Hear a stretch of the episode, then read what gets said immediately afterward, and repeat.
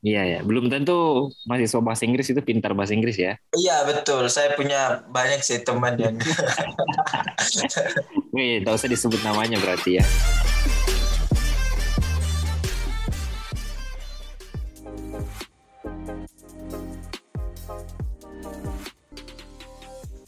Halo para pendengar setia, balik lagi di episode terbaru dari Global User Podcast Indonesia episode ke-7. Episode kali ini kita kedatangan Wardi Global User lagi nih dari batch tahun 2020 yang seangkatan dengan Hani di episode ke-6. Dan di episode kali ini juga kita bakal ada co-host nih, Fadil Diat buat teman-teman yang tahu mungkin udah dengar di episode keempat. Halo Fadil Diat. Halo pendengar, halo Kak Jerry dan Halo. ya eh, Kita- Hari ini ngapain nih di Fadil? Bakal kedatangan siapa? ya kita akan kedatangan seorang bintang tamu yang sedang menikmati bulan madunya di Amerika. Eh, ya kita akan kedatangan tamu eh, Global Ugrad juga. Nah seperti yang sudah dimention sebelumnya, ini episode ketujuh. Nah yang akan ngobrol bersama kita nih, eh, dia berasal dari Makassar, Sulawesi Selatan, dari Universitas Muhammadiyah Makassar. Mari kita sambut dengan berbahagia. Inilah dia Amaluddin. Halo Amal. Hai kak, halo semuanya. Halo Maludin. Halo, oke. Hai Maludin, Eh, kan kamu betul baru nih. Bisa dong introduction sedikit eh, dari latar belakangmu, profil. Baik kak, jadi saya uh, merupakan salah satu mahasiswa dari Kota Makassar, dari Univers- Universitas Muhammadiyah Makassar, jurusan Pendidikan Bahasa Inggris, angkatan 2018. Nice. Em, kamu ditempatin di host university mana dan dapat majornya apakah sama dengan prodi yang di Indonesia? Em, saya ditempatkan di Dixie State University di kota St. George, State Utah.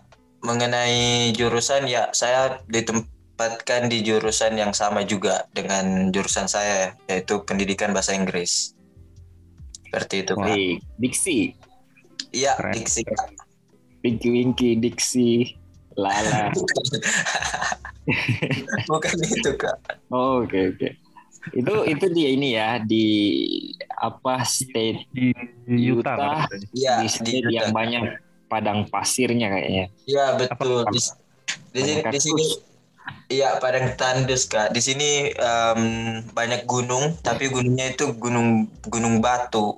Orang sebutnya em, Red Rock Mountains. Wow. Keren. Panas ya di sana. Em, kalau saya pribadi nggak merasa panas, karena kan ya lebih panas di kampung sih, lebih panas di Indonesia sih. Berarti lebih panas Makassar atau Pangkep ya? Iya, lebih panas Kota Makassar. Betul betul. Wah, jadi jadi adaptasinya nggak terlalu berbeda ya, gitu ya. Iya, ada adaptasinya aman-aman em, Nice. Aman-aman panas. aman-aman panas. Padahal padahal pengennya ini ya yang bersalju ya. Eh, enggak juga Kak, karena kan sebelum berangkat itu kita ada pemilihan ini ya, referensi seasonnya mau berangkat di semester apa dan saya memilih semester yang spring gitu, yang bukan yang winter, bukan yang pada saat salju Oh. gitu. Justru Bukan kalau kamu pilih spring sebenarnya itu dapatnya winter. Iya, ya betul betul betul. Jadi gimana nih Kak Fadil, kamu ada pertanyaan nggak pertama untuk eh, bintang tamu kita Maudin? Oke, Omal. Sebenarnya saya penasaran, kamu tahu Global Ugrad itu dari mana? Se- Sependek pengetahuan saya, beasiswa ini cukup awam sih di Makassar.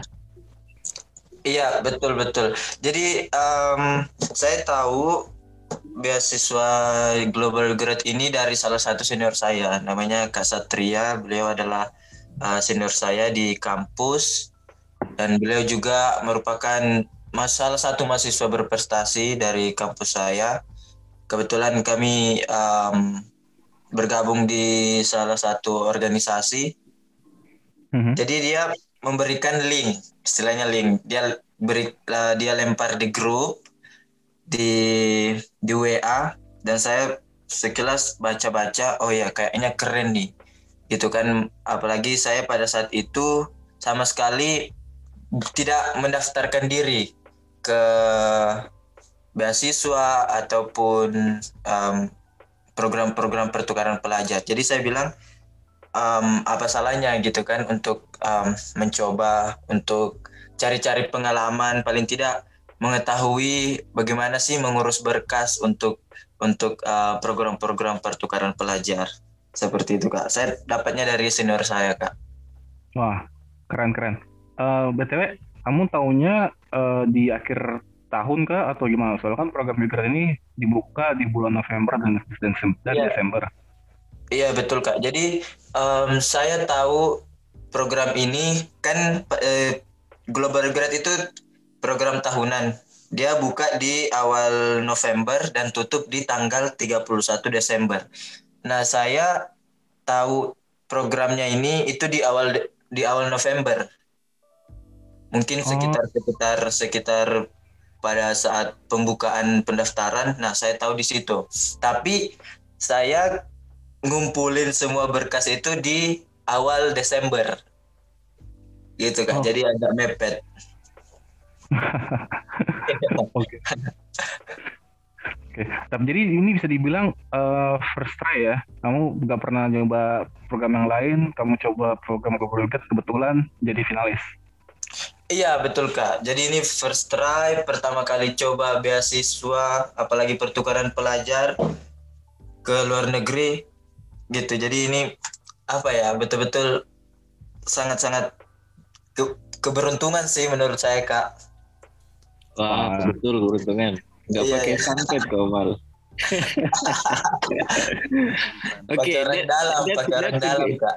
Yeah, that's a good question. Uh, I mean that's a good answer like uh, pertama kali ya pada akhirnya mungkin begitulah uh, kecenderungan global yogurt kayaknya ya. Dia dia dia seperti sebuah kejutan untuk beberapa orang yang yeah, saya tahu uh, yang di first try mereka uh, mereka lolos misalnya. Dan dan itu menurut saya adalah cerita yang sangat selalu selalu menarik.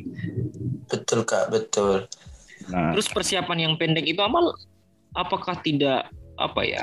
Apakah itu menurut pandanganmu apakah itu patut dicontoh? Maksudku ketika orang ketika orang misalnya melakukan itu apakah kira-kira mereka bisa lolos seperti dirimu? Um, terutama misalnya persoalan bahasa because you kan uh, apa ya kamu masih selesai apa pendidikan bahasa Inggris ya mungkin kamu akrab dengan uh, bahasa Inggris tapi katakanlah mungkin dalam general uh, uh, mahasiswa yang lain mungkin?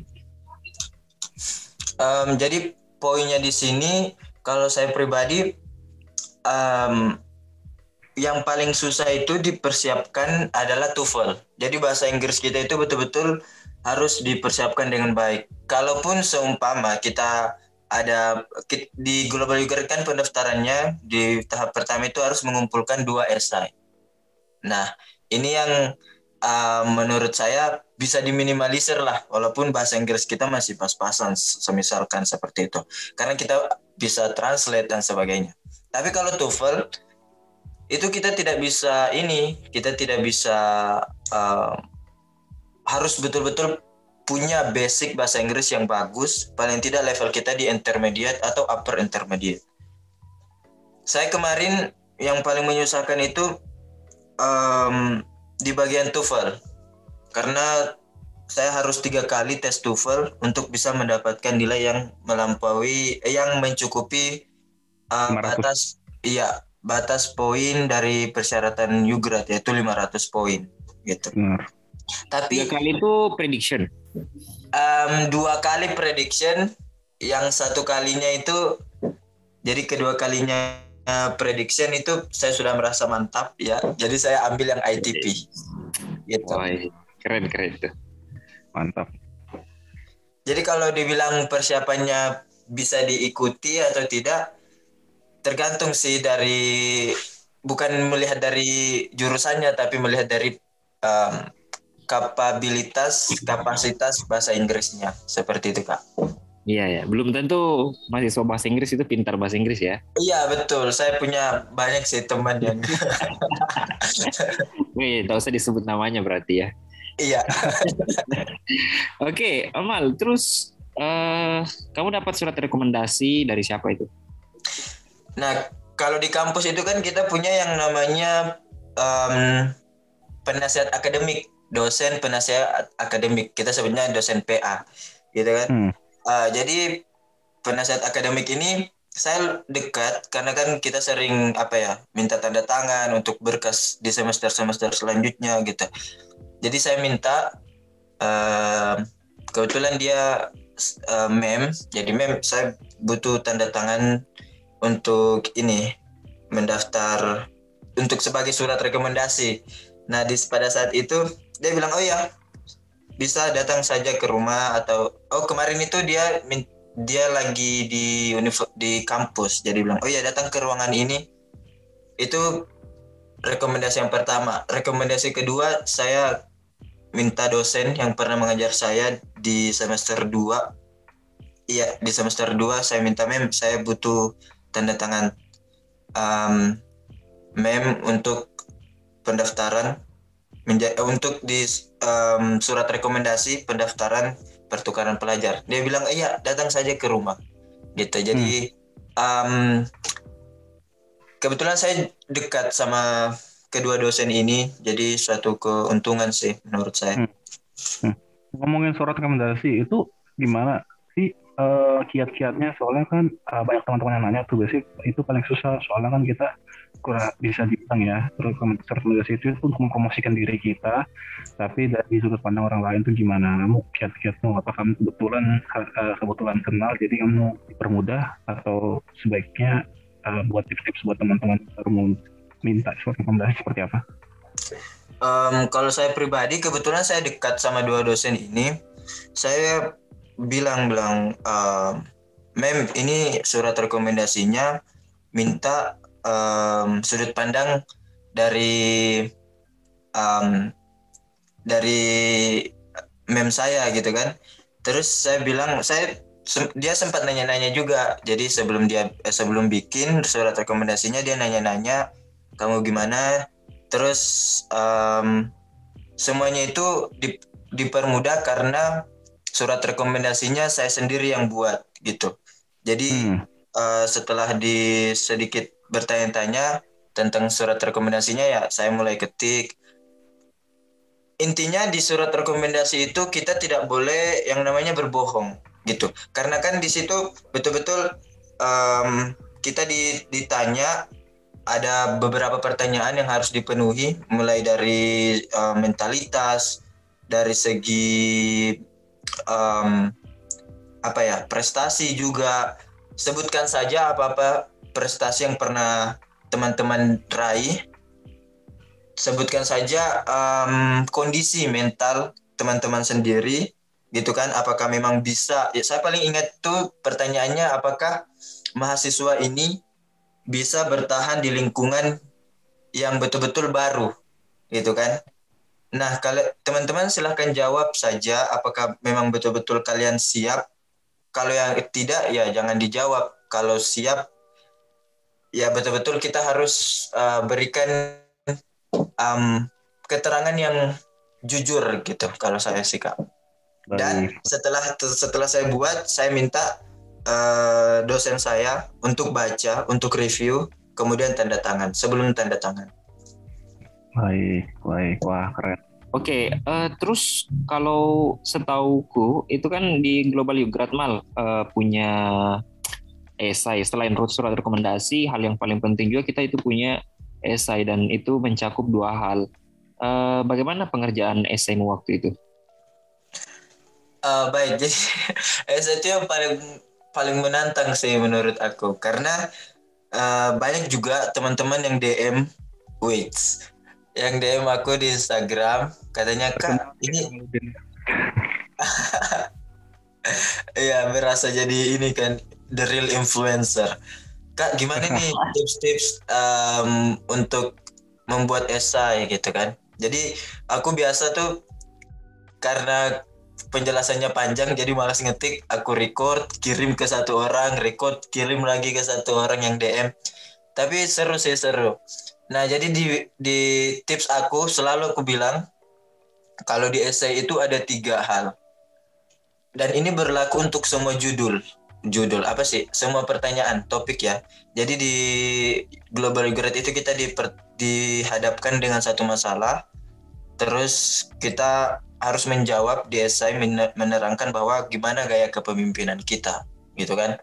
Yang kedua itu mengenai ke, kalau nggak salah ingat sih mengenai ini sosial apa ya kegiatan sosial yang pernah kita lakukan gitu kan. Hmm.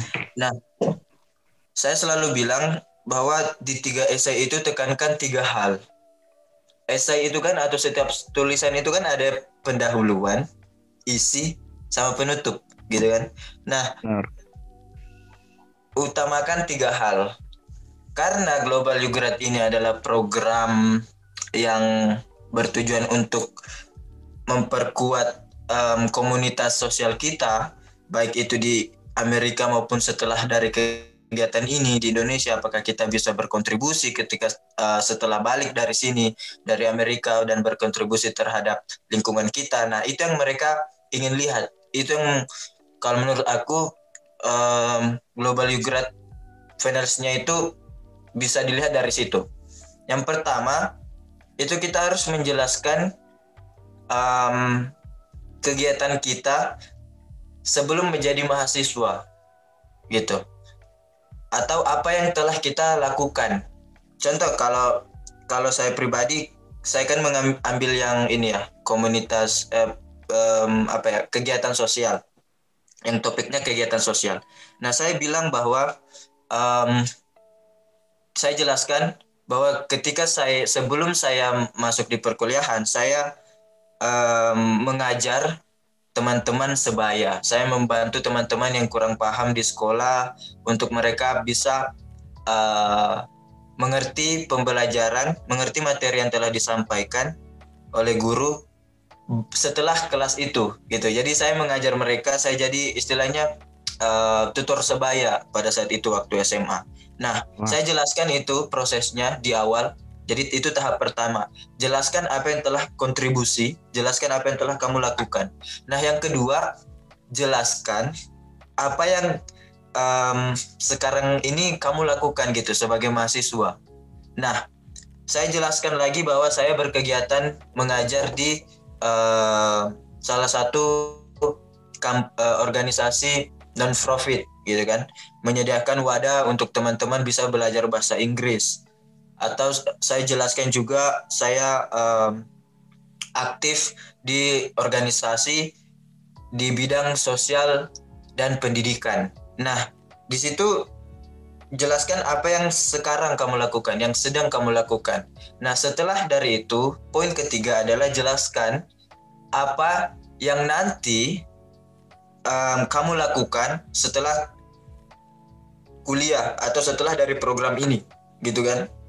Hmm, Nah, saya jelaskan bahwa saya jelaskan bahwa di Indonesia itu tingkat um, apa ya pendidikannya masih kurang.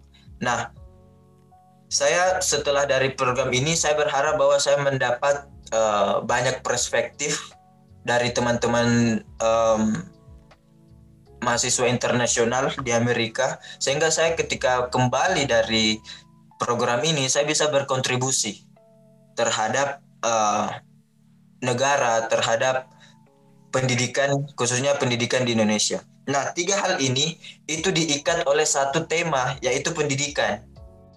Gitu. Jadi di awal saya jelaskan bahwa saya suka mengajar, di tengah saya jelaskan bahwa saya masuk di uh, saya mendaftar di jurusan pendidikan bahasa Inggris. Masih ada uh, relevansi di situ pendidikan. Seti, setelah dari kegiatan, poin ketiga saya jelaskan bahwa saya ingin memberi kontribusi terhadap pendidikan di Indonesia. Nah, ini yang menjadi satu hal yang kuat karena ketiga poin ini um, relevansinya kuat gitu. Jadi saya bisa bilang bahwa diri saya ini orangnya fokus gitu kan. Nah, kebanyakan orang, kebanyakan mahasiswa itu salahnya di situ. Mereka jurusannya apa dan hmm. kegiatannya juga berbeda gitu. Begitu okay. kan? Ya, jadi mungkin kalau mereka buat esai itu agak kewalahan. karena kegiatannya tidak selaras dengan jurusan mereka.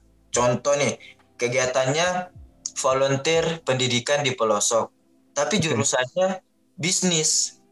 Kan nggak ini, nggak apa, nggak ada, nggak nyambung gitu kan kak. Jadi nanti ketika esai mereka di review, esai mereka dilihat, mereka di di um, dilihat sebagai orang yang tidak konsisten. Gimana mau dilihat poin ketiga, oh. poin masa depannya gitu kan? Gitu. Yeah, Jadi yeah. itu yang menurut saya harus dibangun, itu yang harus diperbaiki. Um, Tapi ketika teman-teman kadang kan mereka ada yang salah jurusan dan sebagainya, yeah. tapi itu bisa diatasi menurut saya. Saya juga dapat uh, kak gimana nih kak? Kalau saya jurusannya lain terus um, kegiatan saya lain. Essay itu menurut saya adalah tulisan kreatif. Kalian kalau jurusannya lain kegiatannya lain cari jembatan cari kata-kata cari alasan yang bisa menjembatani kedua kedua hal tersebut. Gitu. Contoh kegiatannya itu um, mengajar di pelosok pendidikan ya jurus pendidikan. Tapi jurusannya itu bisnis. Eh, jurusannya hmm. itu contoh jurusannya itu hukum gitu. Hmm. kalian bisa cari jembatan bahwa saya berkegiatan di situ untuk melihat suasana di pelosok.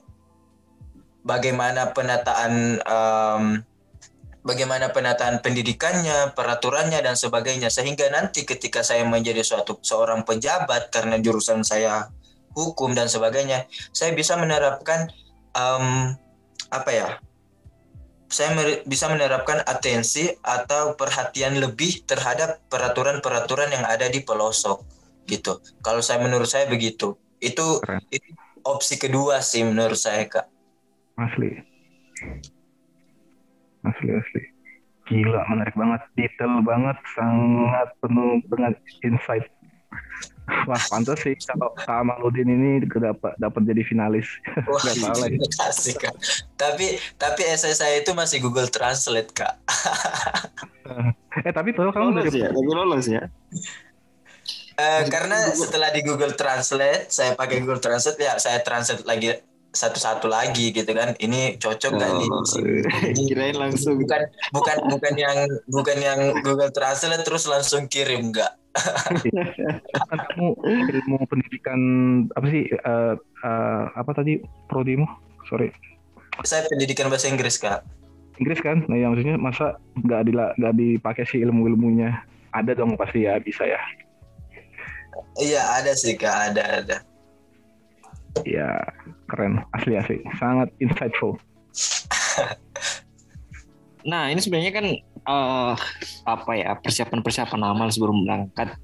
Dan mungkin habis ini pertanyaannya mungkin juga masih seputar sebelum kau berangkat. Tapi bisa kan enggak saya sebenarnya sudah penasaran nih uh, ceritamu untuk ketika kamu sudah di, di USA dan mungkin pendengar lain juga. Uh, mungkin ya kamu bisa sedikit cerita tentang interview mungkin tentang apakah kamu latihan uh, perasaanmu setelah interview atau perasaanmu ketika di interview uh, ya kendati misalnya kamu nggak ke Jakarta ya I'm sorry to say Amal Iya iya. Uh, nah, I'm just kidding. Uh, ya hal-hal seperti itu aja lah. Uh, dan mungkin agak singkat lah. Mungkin ya hal-hal yang penting aja yang bisa di point out itu. Ya baik kak. Jadi um, waktu interview itu saya sama sekali saya sebenarnya karena saya sudah melalang buana ya melalang buana di organisasi. Jadi menurut saya uh, retorika itu yang penting gitu. Bagaimana kita berbicara di depan banyak orang ketika di interview mentalitas itu yang harus dibangun di organisasi gitu. Nah kalau menurut uh, kalau berdasarkan interview saya karena kan kita nggak tahu nih nanti panel panelsnya itu bakalan nanyain apa gitu kan. Hmm benar, kita benar. sama sekali nggak punya pengetahuan.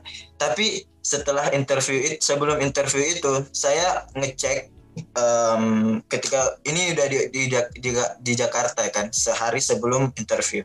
Saya ngecek um, di YouTube general interview itu gimana sih? Nah terutama itu yang yang pertanyaan um, tell me about yourself.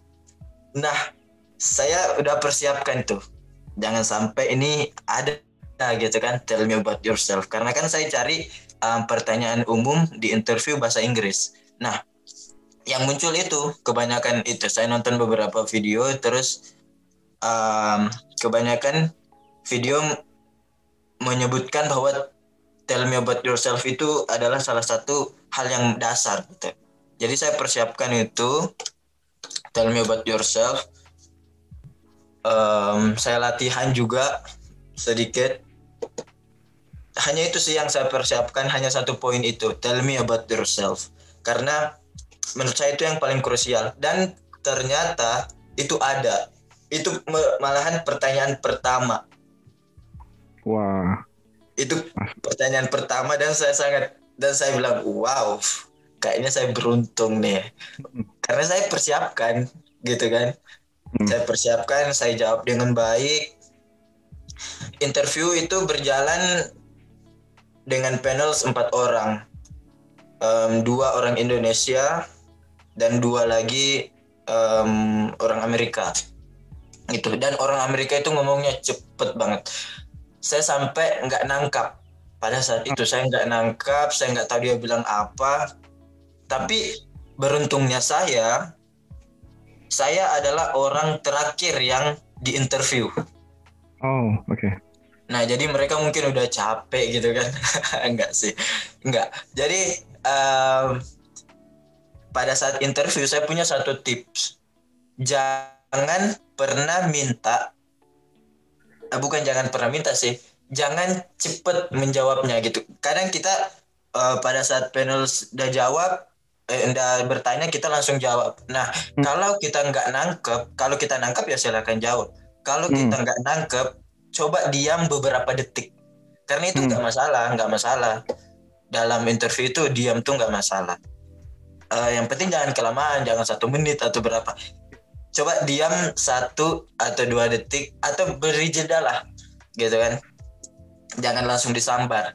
Karena kenapa? Kalau kita diam itu ada dua kemungkinan jadi panelsnya itu menurut saya menurut analisa saya saya pada saat itu saya nggak nangkap jadi saya agak diam sekitar tiga detik atau lima detik tapi panelsnya itu dia ngulang-ngulang sendiri tanpa saya minta. Gitu. Oh, oke. Okay. Iya, jadi jadi lebih baik kita diam daripada kita minta gitu. Apalagi yeah. mintanya sampai beberapa kali. jadi saya ah. diam, panelsnya ngulang sendiri padahal saya nggak minta, padahal saya kayak jadi ada dua kemungkinan dong. Kalau kita diam beberapa detik setelah pertanyaan. Yang pertama, panelsnya berpikir bahwa kita nggak tahu, kita nggak nangkap, yang kedua, panersnya yang bakalan berpikir bahwa kita lagi mikir the best answer. Hmm. Gitu kan? Karena kan ada banyak pertanyaan nih, wajar dong kalau kita mikir dikit gitu. Ya, ya benar. Nah, setelah interview saya setelah interview itu perasaan saya betul-betul um, lega karena ya tapi tapi di samping itu saya sangat-sangat senang sekali. di awal memang kita gugup, tapi setelah pertanyaan pertama semua mengalir dengan dengan baik gitu. Bahkan saya uh, saya nggak tahu kenapa saya nggak bermaksud dan nggak berniat membuat panelsnya tertawa, tapi mereka tertawa gitu. Saya lupa pertanyaannya apa dan saya jawab apa, tapi ada satu ketika mereka berempat-empatnya itu tertawa gitu. Jadi mungkin hmm. itu poin positif sih. Toilet hmm. mungkin? Gara-gara toilet? Pertanyaan toilet mungkin? Bukan kak. Oh, biasanya sih itu biasanya. Tapi tapi itu hal yang baik ya Amaludin ya. Jadi kan kamu bisa mengontrol uh, ruangan uh, interview dan ya. jadi enjoy ya gitu kan ya. Iya pastikan pastikan kita nggak ini nggak merasa tertekan pada saat itu. Kalau ya, kita betul. merasa tertekan, eye contact hmm. hilang, ya, um, suara rendah, nggak tegas gitu kan kelihatannya, kelihatannya lemah dan sebagainya. Iya, iya. Dan dan akhirnya esnya itu cair ya. Jadi ya, kamu betul, kayak, kayak kamu bilang tadi enjoy apa awalnya gugup, pas sudah itu lega gitu ya. Keren. Um, ngomongin soal interview, nah itu kan sudah keluar dari interview nih, sudah lega tuh. Kamu nyangka nggak bakal di calling lagi, bakal di email lagi atau suaranya kamu nggak ber nggak menaruh harapan ah kayaknya ini interview terakhirku nggak bakal di calling di call lagi atau di lagi sebenarnya nggak menaruh harapannya itu sejak awal. Karena Oke. kan karena kan hanya ah ini coba-coba aja deh. Ini kan eh, pertama kali juga gitu kan. Tapi aku tuh tipe orang yang optimis. Walaupun Wah. tahu gagal serius serius ini kak. Ini em, dari SMA sih. Jadi walaupun tahu gagal ya berharap aja gitu kan optimis bisa. Dari SMA tuh aku udah gitu kayak ikut lomba udah tahu siapa jura juaranya kan. Karena kan kalau ke- di di daerahku tuh yang waktu SMA tuh sekolah-sekolah yang bagus pasti juara gitu. Dan aku bukan dari sekolah yang bagus. Tapi aku positif aja positif aja gitu. Hmm, terbukti terbukti waktu SMA juara dua tingkat provinsi itu speech. Padahal kita ngelawan satu provinsi. Nah itu optimis aja gitu nah pada saat pada saat ini pada saat uh, mendaftar global grad ini kalau aku nggak optimis kak ini bukti ya kalau aku optimis aku nggak bakalan ngambil TOEFL ITP yang harganya itu 800 sampai 900 ribu gitu. Wah. Aku sampai aku sampai maksain dan aku juga bukan pakai KTP kak pakai paspor dan itu habis 350 ribu gitu. Wah. Walaupun walaupun aku nggak menaruh harapan tapi tetap optimis gitu. Karena kan di global grade ini kita bisa pakai tuple prediction yang 50 ribuan lah gitu kan? Iya. Bisa bisa. Ah. dan tapi aku mau lihat kalau ber- semua berkas yang mendaftar itu pakai TOEFL prediction terus bedanya kita apa gitu. Kalau Oke. semua kalau semua berkas itu pakai KTP bukan paspor terus kita bedanya apa kalau kita sudah punya paspor kita pakai TOEFL ITP berarti mungkinlah secara psikologis secara logika mereka bakalan lihat oh orang ini dia niat nih gitu Ah, dia ada niat lah, ada effort lah sedikit oke gitu. oke Ketimbang iya, iya. dari peserta-peserta lain. Terus dia review lagi esai, oh esainya bagus, oh ya dia lolos gitu. oke wah Saya, benar saya tuh saya gitu kak, saya pemikiran saya gitu. Jadi saya bilang berkas ini harus ada yang menjadi pembeda gitu.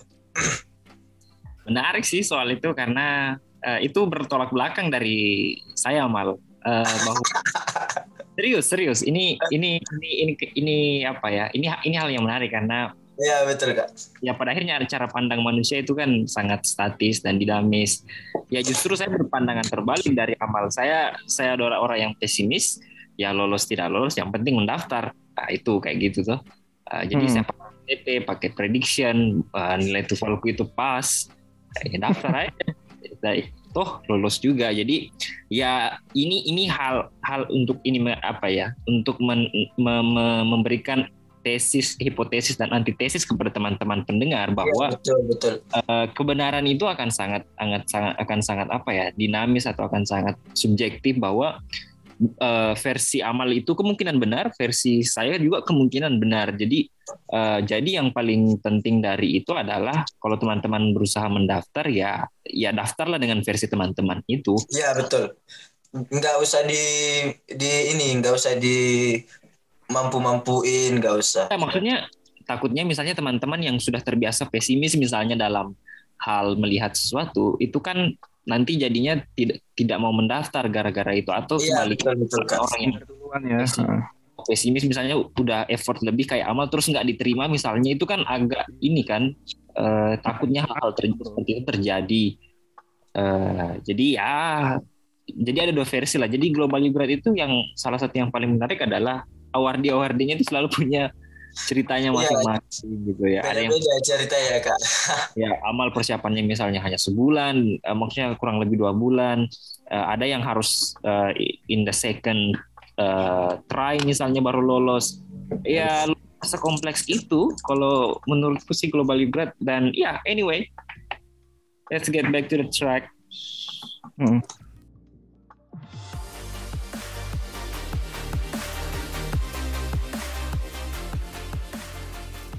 Ya, eh, itulah mungkin tadi eh, cerita-cerita atau persiapan-persiapan kiat-kiat mungkin yang telah dilakukan oleh Amal. Uh, tentu saja teman-teman uh, bisa mengikuti itu, tentu saja juga teman-teman dengan sangat luas bisa menemukan jalan teman-teman uh, sendiri. Nah, uh, kita pindah nih ke ke pembahasan yang agak lebih sedikit menarik, uh, yang ya kita membahas soal bulan madunya amal di dia, dia ya jadi amal baru beberapa minggu di sana beberapa minggu ya amal ya. Uh, dan itu kalau dalam fase apa ya fase abroad itu masih dalam tahap honeymoon. Belum belum homesick belum masih serba wah semua dan sebagainya. Masih ya masih kind of mix mix feeling uh, tentang uh, excitednya USA jadi hmm. gimana mal? Lancar nggak ke lancar nggak perjalananmu ini? Dari Makassar sampai Utah?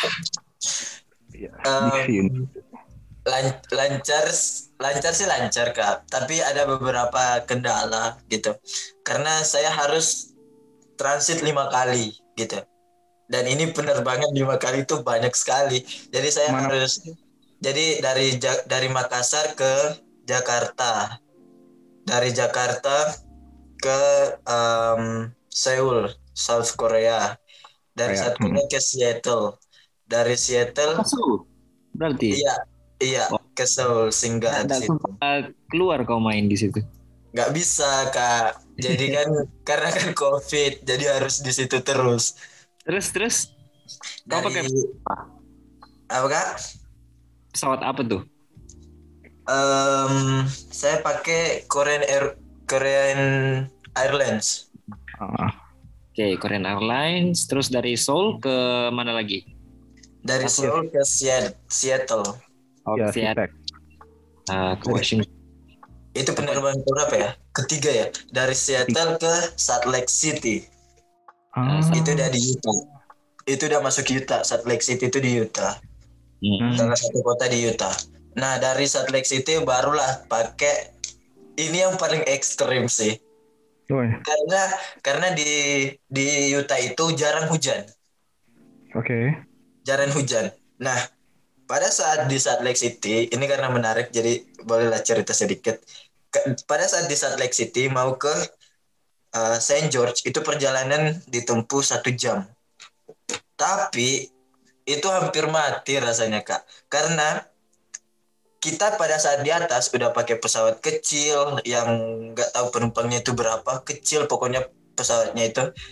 Terus kita uh, terperangkap di ini badai.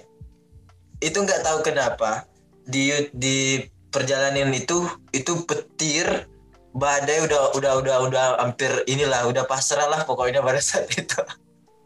Aku dalam hati aku dalam hati ini ke Amerika masa hanya untuk mati gitu kan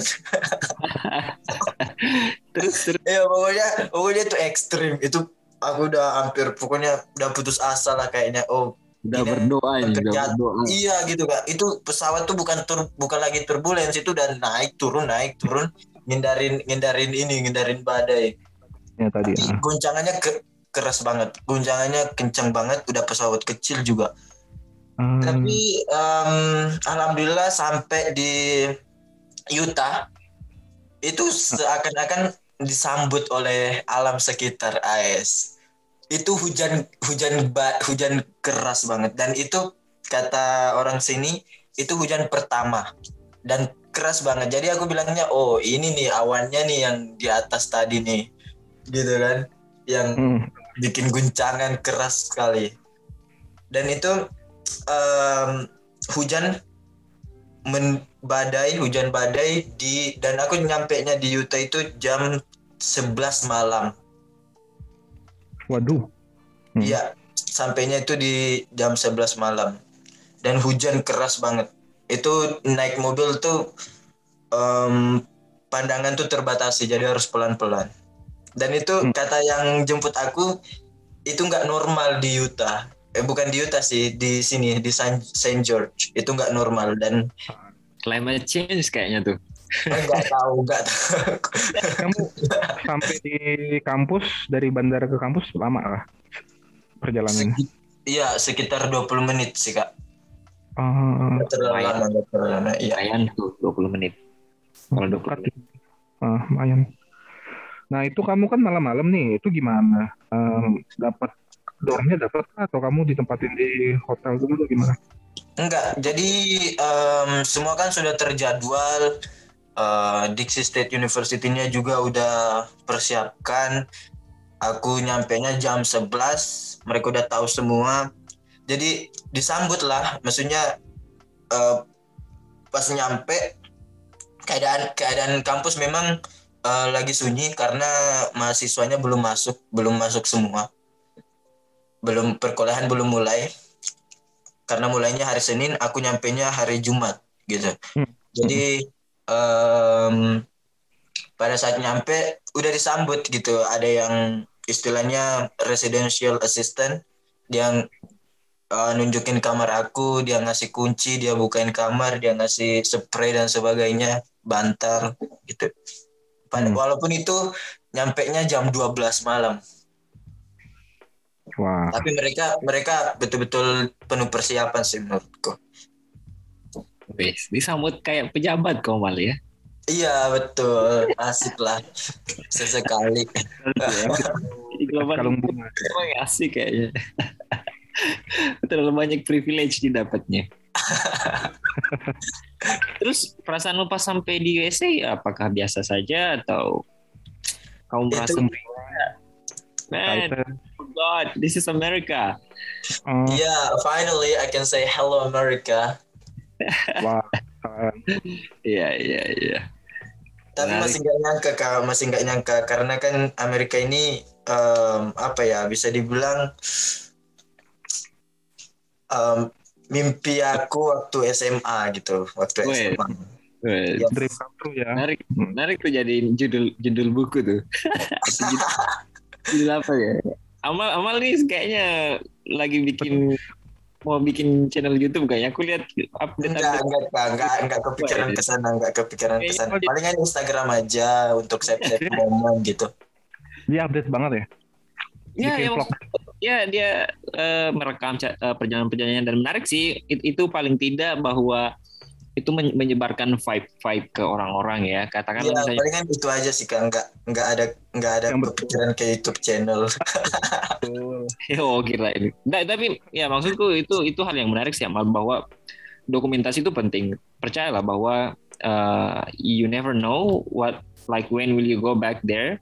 Jadi Iya. so- kayak ya take as much as possible that you can uh, Iya, itu itu yang jadi or video uh, ambil aja sebanyak mungkin karena setelah kamu pulang itu akan menjadi hal yang sangat itu akan menjadi hidden gemsmu jadi akan menjadi harta karun yang sangat-sangat berharga.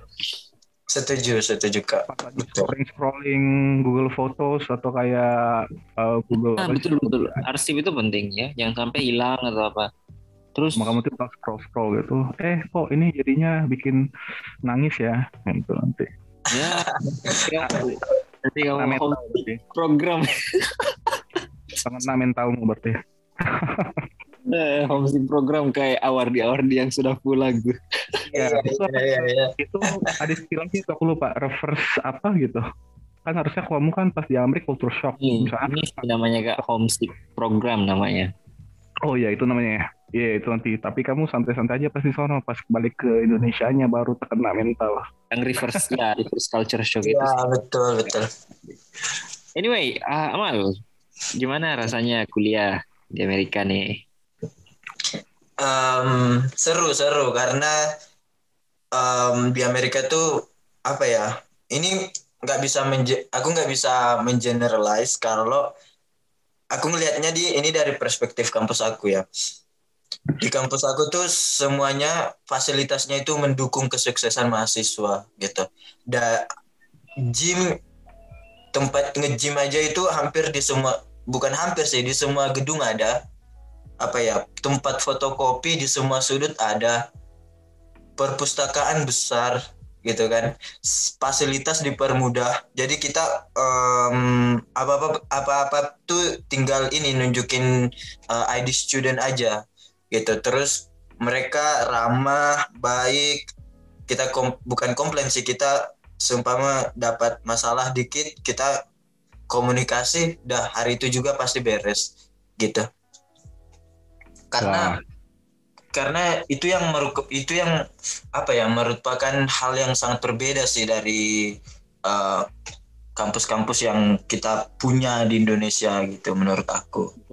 Mereka semuanya ramah, nggak mandang ini, nggak mandang bulu mau dia international student kayak mau dia local student kayak pasti dilayani dengan baik gitu. Hmm. Dan mereka punya program-program yang memang betul-betul mendukung um, keber apa ya karir dari mahasiswa tersebut mulai dari uh, uh, job expo dan hmm. mereka bisa kerja bisa merasakan uh, seumpama mereka jurusannya pendidikan nah nanti kampus expo-nya itu uh, bukan kampus sih job expo-nya itu menawarkan uh, ada yang dari segi pendidikan, ada yang kalau kamu anak biologi bisa atau farmasi bisa kerja di tempat um, farmasi dan sebagainya gitu. Walaupun itu part time part time job. Wow. Banyak sih mereka juga punya um, apa ya organisasi-organisasi yang mendukung. Sumpah kalau kita hobi apa ya hiking ya silahkan yeah. gabung ke situ dan banyak sekali sih fasilitasnya. Keren. Eh ngomongin masalah akademik di kampus sono, kamu ada ambil mata kuliah apa nih, kamu Aldian di sana? Aku um, ngambil mat empat mata kuliah. Yang pertama itu kan kita di Global Grade harus memenuhi persyaratan ya. Yang pertama harus uh, tiga kredit untuk mempelajari uh, sejarah atau budaya Amerika. Nah, aku ngambilnya itu multicultural. Oke. Okay um, yang kedua kita harus uh, ngambil jurusan sesuai dengan major kita di Indonesia. Jadi aku ngambilnya education dua, hmm. satu foundation uh, education untuk ini ya apa ya elementary school. Yang hmm. kedua untuk ini bahasa Inggris writing. Ah, ya ya ya ya. Nah yang terakhir nih yang keempat itu sesuai dengan apa ya keinginan kita gitu. Ya. Nah, jadi di sini aku ngambilnya um, beginner Spanish karena aku lagi belajar bahasa bahasa bahasa Spanyol. Wow, keren. Iya. coba bahasa Spanyol. ¿Cómo estás? Bien, bien.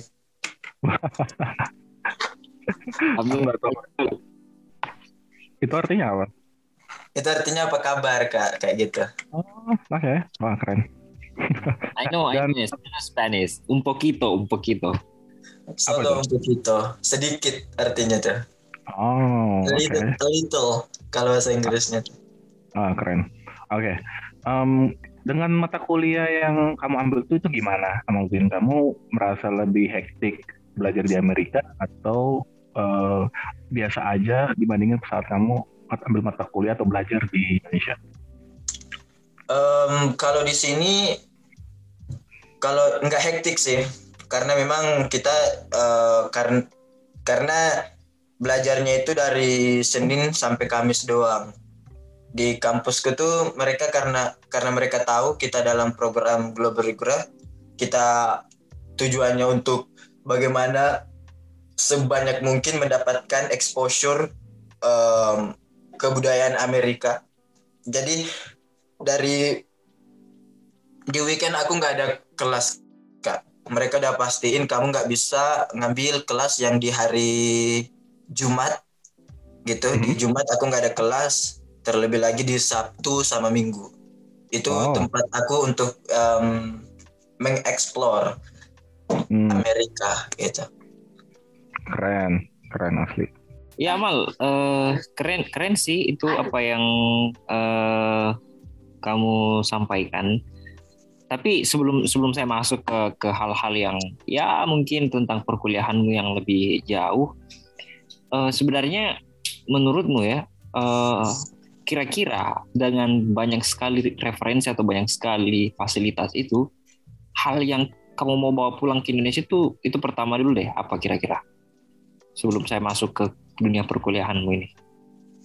Um, yang mau dibawa pulang kak, yang bagian apanya tuh kak?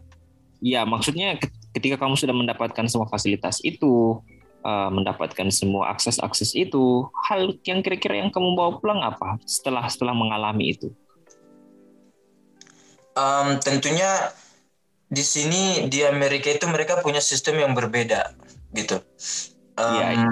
Kita di Amerika itu uh, belajarnya sekarang udah kelas in person, sudah um, offline kelas tapi semua tugas itu kita kumpulnya di Canvas. Hmm. Nah, Canvas ini merupakan platform. Kalau kita mungkin di Indonesia itu ada yang namanya um, apa ya Google Classroom dan sebagainya tempat untuk mengumpulkan tugas. Nah, hmm.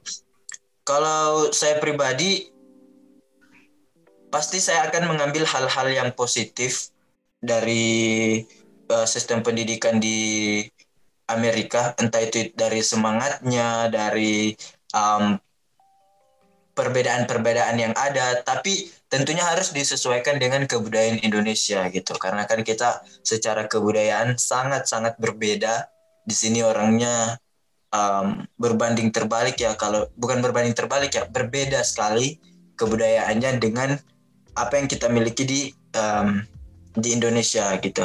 Kalau saya pribadi saya mau uh, menyebarkan semangat semangat belajar kepada teman-teman saya itu sih kak yang saya ingin ini bawa pulang sebagai oleh-oleh dari sini.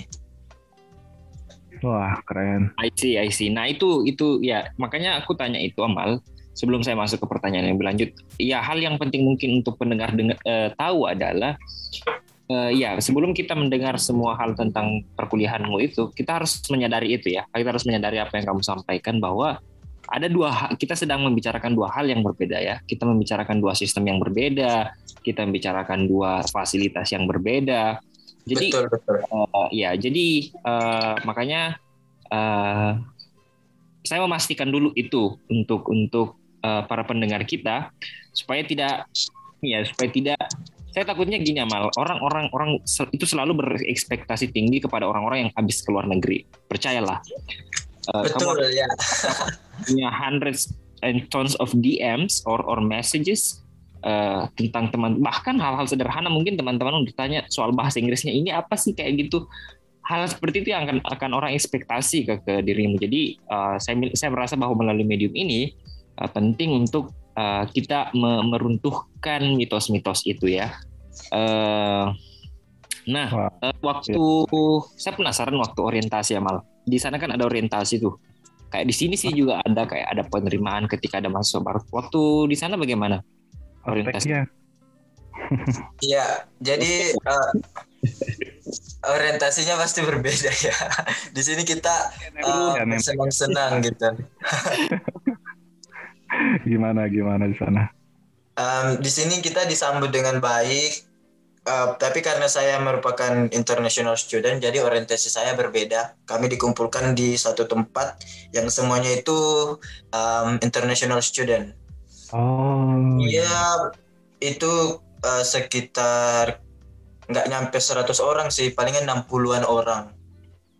Gitu. Oh. Iya, dan semua itu international student. Ada yang dari uh, Nigeria, ada yang dari apa ya Spanyol, Amerika Latin, negara-negara Amerika Latin, ada yang dari Jepang juga, Filipina, Vietnam, Cina, gitu. Wah keren. Dan itu um, keren sih karena apa ya? Menurut saya di situ saya bisa melihat bahwa betapa banyaknya um, warga dari negara lain yang sangat tertarik dari dengan pendidikan di Amerika Serikat. Dan kebanyakan mereka itu um, mereka bukan ini ya bukan dari Global Ugrad bukan. Mereka ini bayar secara pribadi gitu.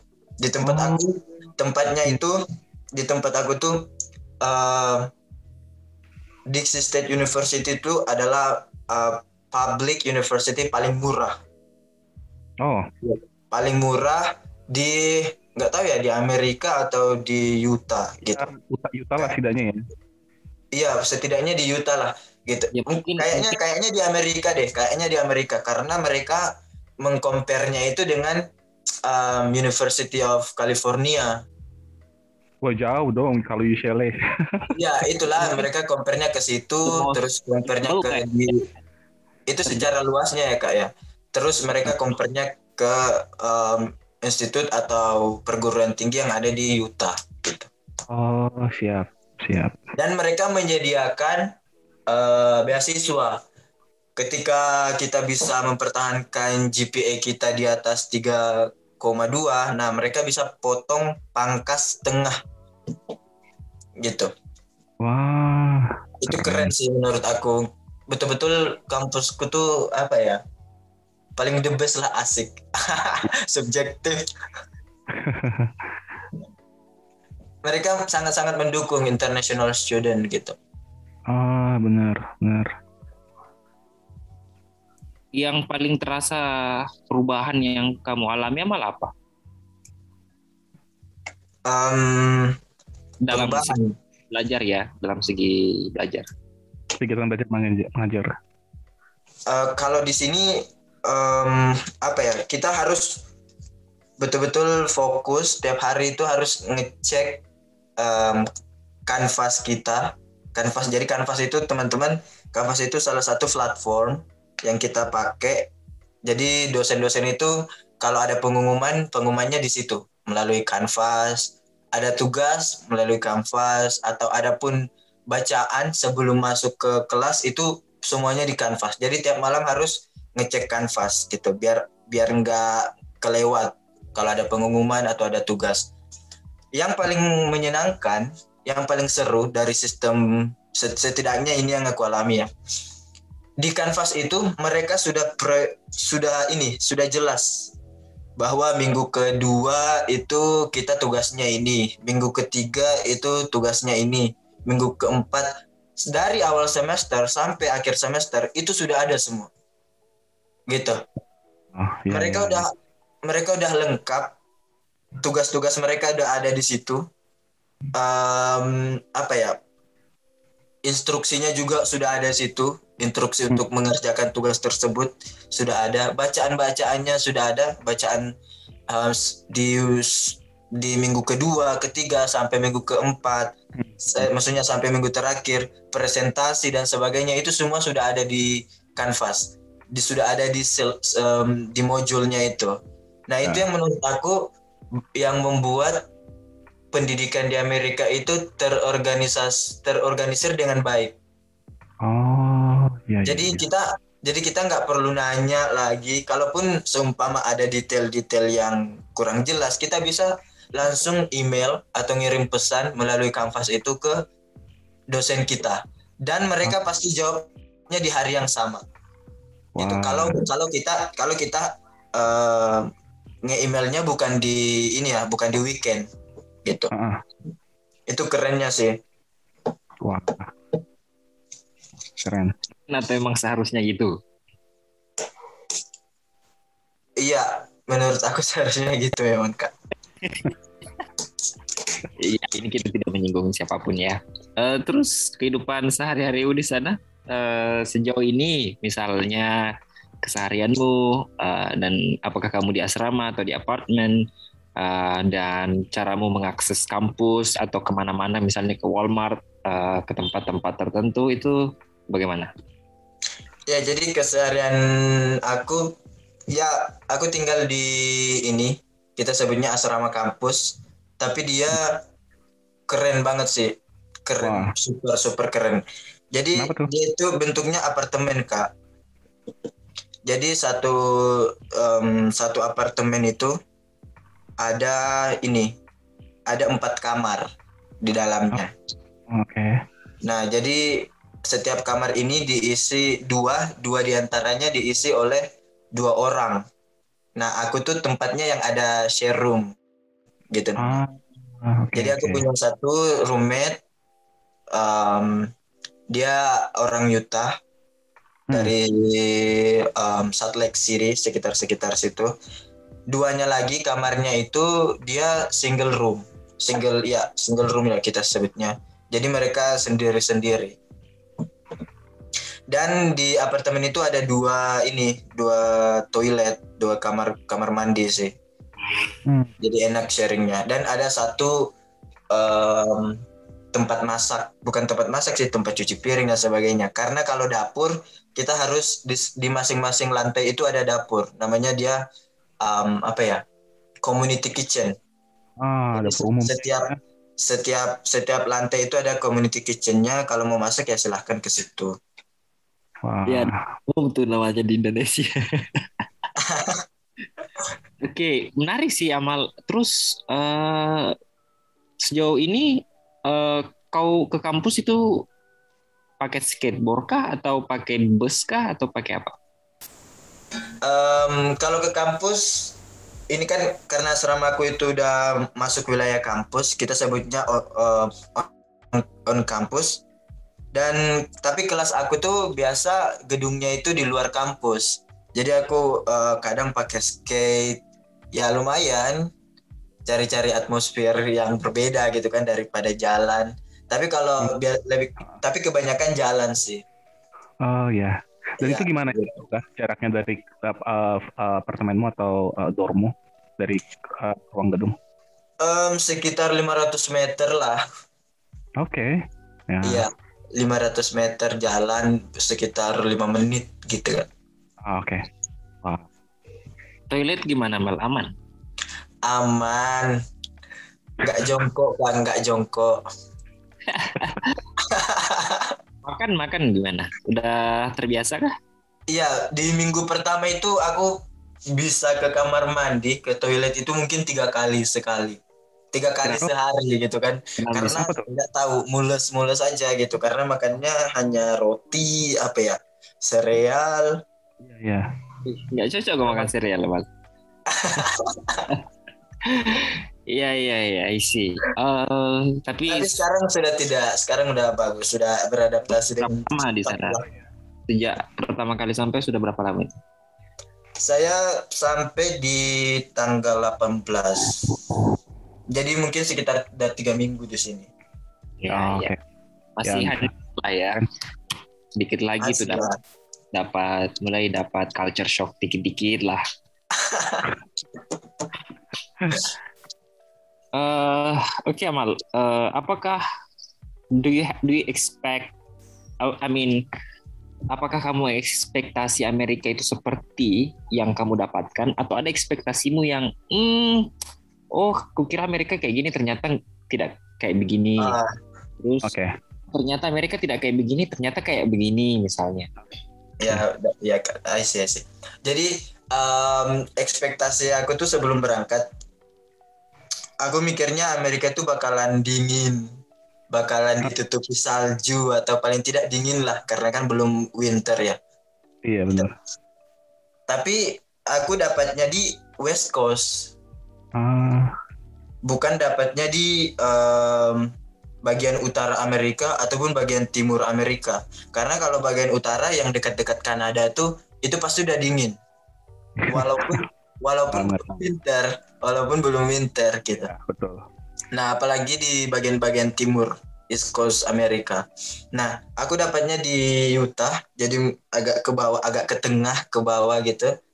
Dan di sini tuh em, jauh berbeda dengan ekspektasiku. Aku pikirnya bakalan dingin, bakalan ramai. Tapi Utah, Utah itu kota kecil, gitu. Utah itu kota kecil. Kota Saint George ini. Iya, itu Iya, bukan, ya, sorry, sorry, bukan, bukan Utah, Saint George. Saint George. George. Ini kota kecil yang ada Oh. di antara pegunungan batu, desert. Oh. Dan dan ini yang aku ekspektasinya bakalan rame kayak mungkin kayak yang kita lihat di California dan Las Vegas sebagainya. Tapi di sini betul-betul tempatnya tenang, gak ada keributan, gitu.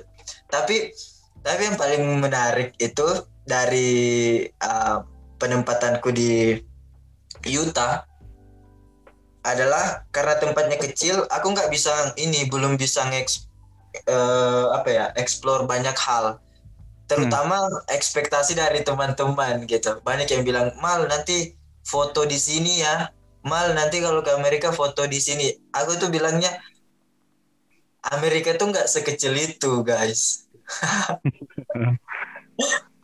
Iya dan, Dan- harusnya kamu bilang aku ke Amerika itu buat belajar, buat, buat Iya gitu, dan itu poinnya gitu. Aku ke Amerika buat belajar, bukan buat foto-foto. Kalaupun ya ada perjalanan ya kita nikmati, walaupun itu nggak bisa mewakili ekspektasi teman-teman yang mereka mintanya nanti foto di Liberty ya, nanti foto di mana gitu.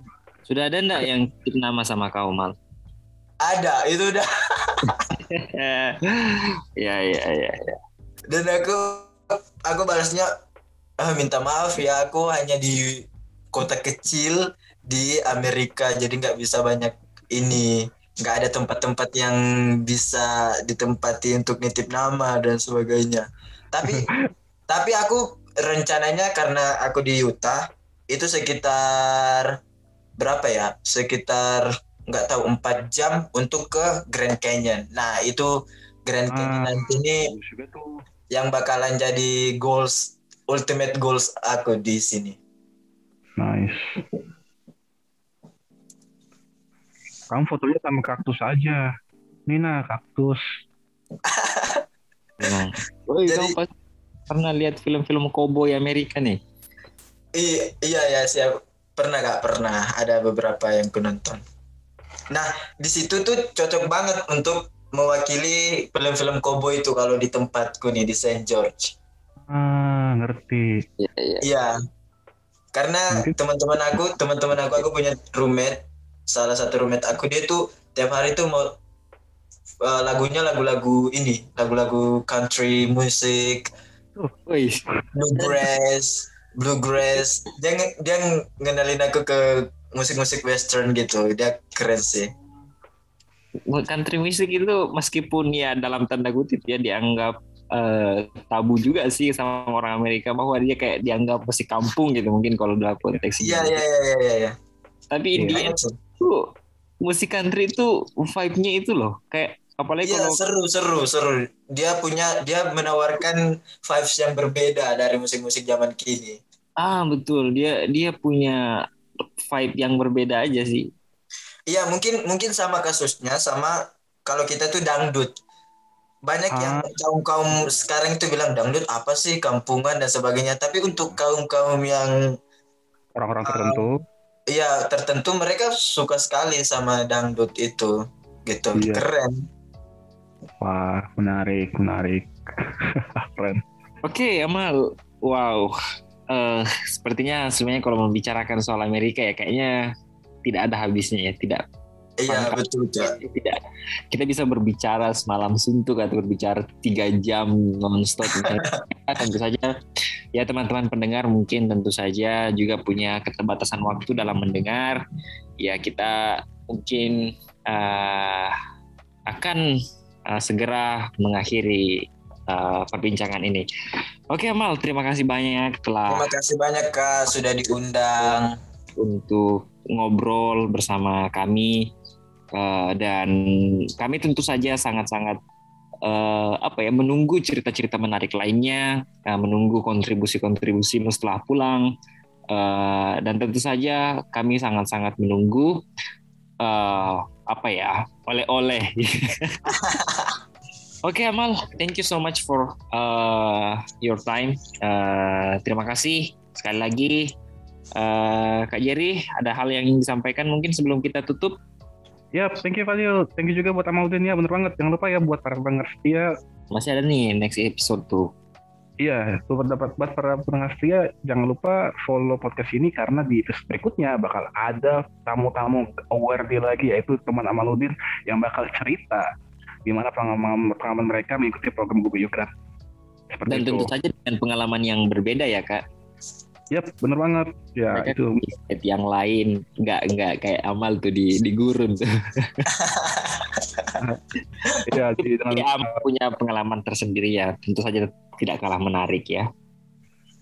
Yap, yap benar. Mungkin bisa dengar eh, closing speech ya. Closing speech dari awal dulu nih sebelum kita tutup. Terakhir mal apa nih yang ingin disampaikan pada pendengar? Oh, oh, ada ada closingnya ya Kak.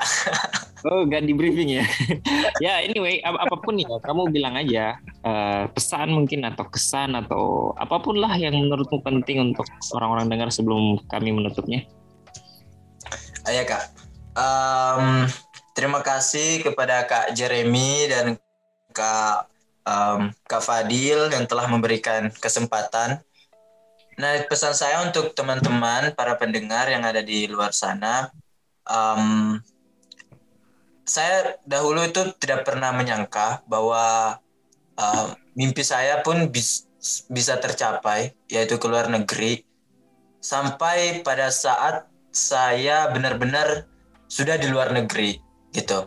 Artinya apa? Ketika kita berani bermimpi, maka kita harus um, berani mengambil semua resiko itu. Karena memang kadang untuk um, pada saat belum terwujud itu kita pasti bertanya-tanya ini beneran bisa terwujud nggak sih ini bakalan terwujud nggak sih tapi ketika kita tidak berhenti untuk menggenggam erat mimpi kita, maka suatu saat nanti um, itu akan terwujud. Saya percaya itu sih. Makanya saya pada saat ini punya banyak mimpi yang nantinya saya akan wujudkan satu demi satu gitu. Terima kasih kak. Uh, ya itu tadi uh, pesan-pesan dari Yamal untuk uh, perjumpaan kita di episode ke-7 dari podcast Kebahagiaan tadi. Buat para pendengar, jangan lupa untuk follow terus podcastnya dan tungguin episode yang menarik yang bakal ada datang di episode berikutnya. Oke. Okay. Bye. Bye guys. Yeah.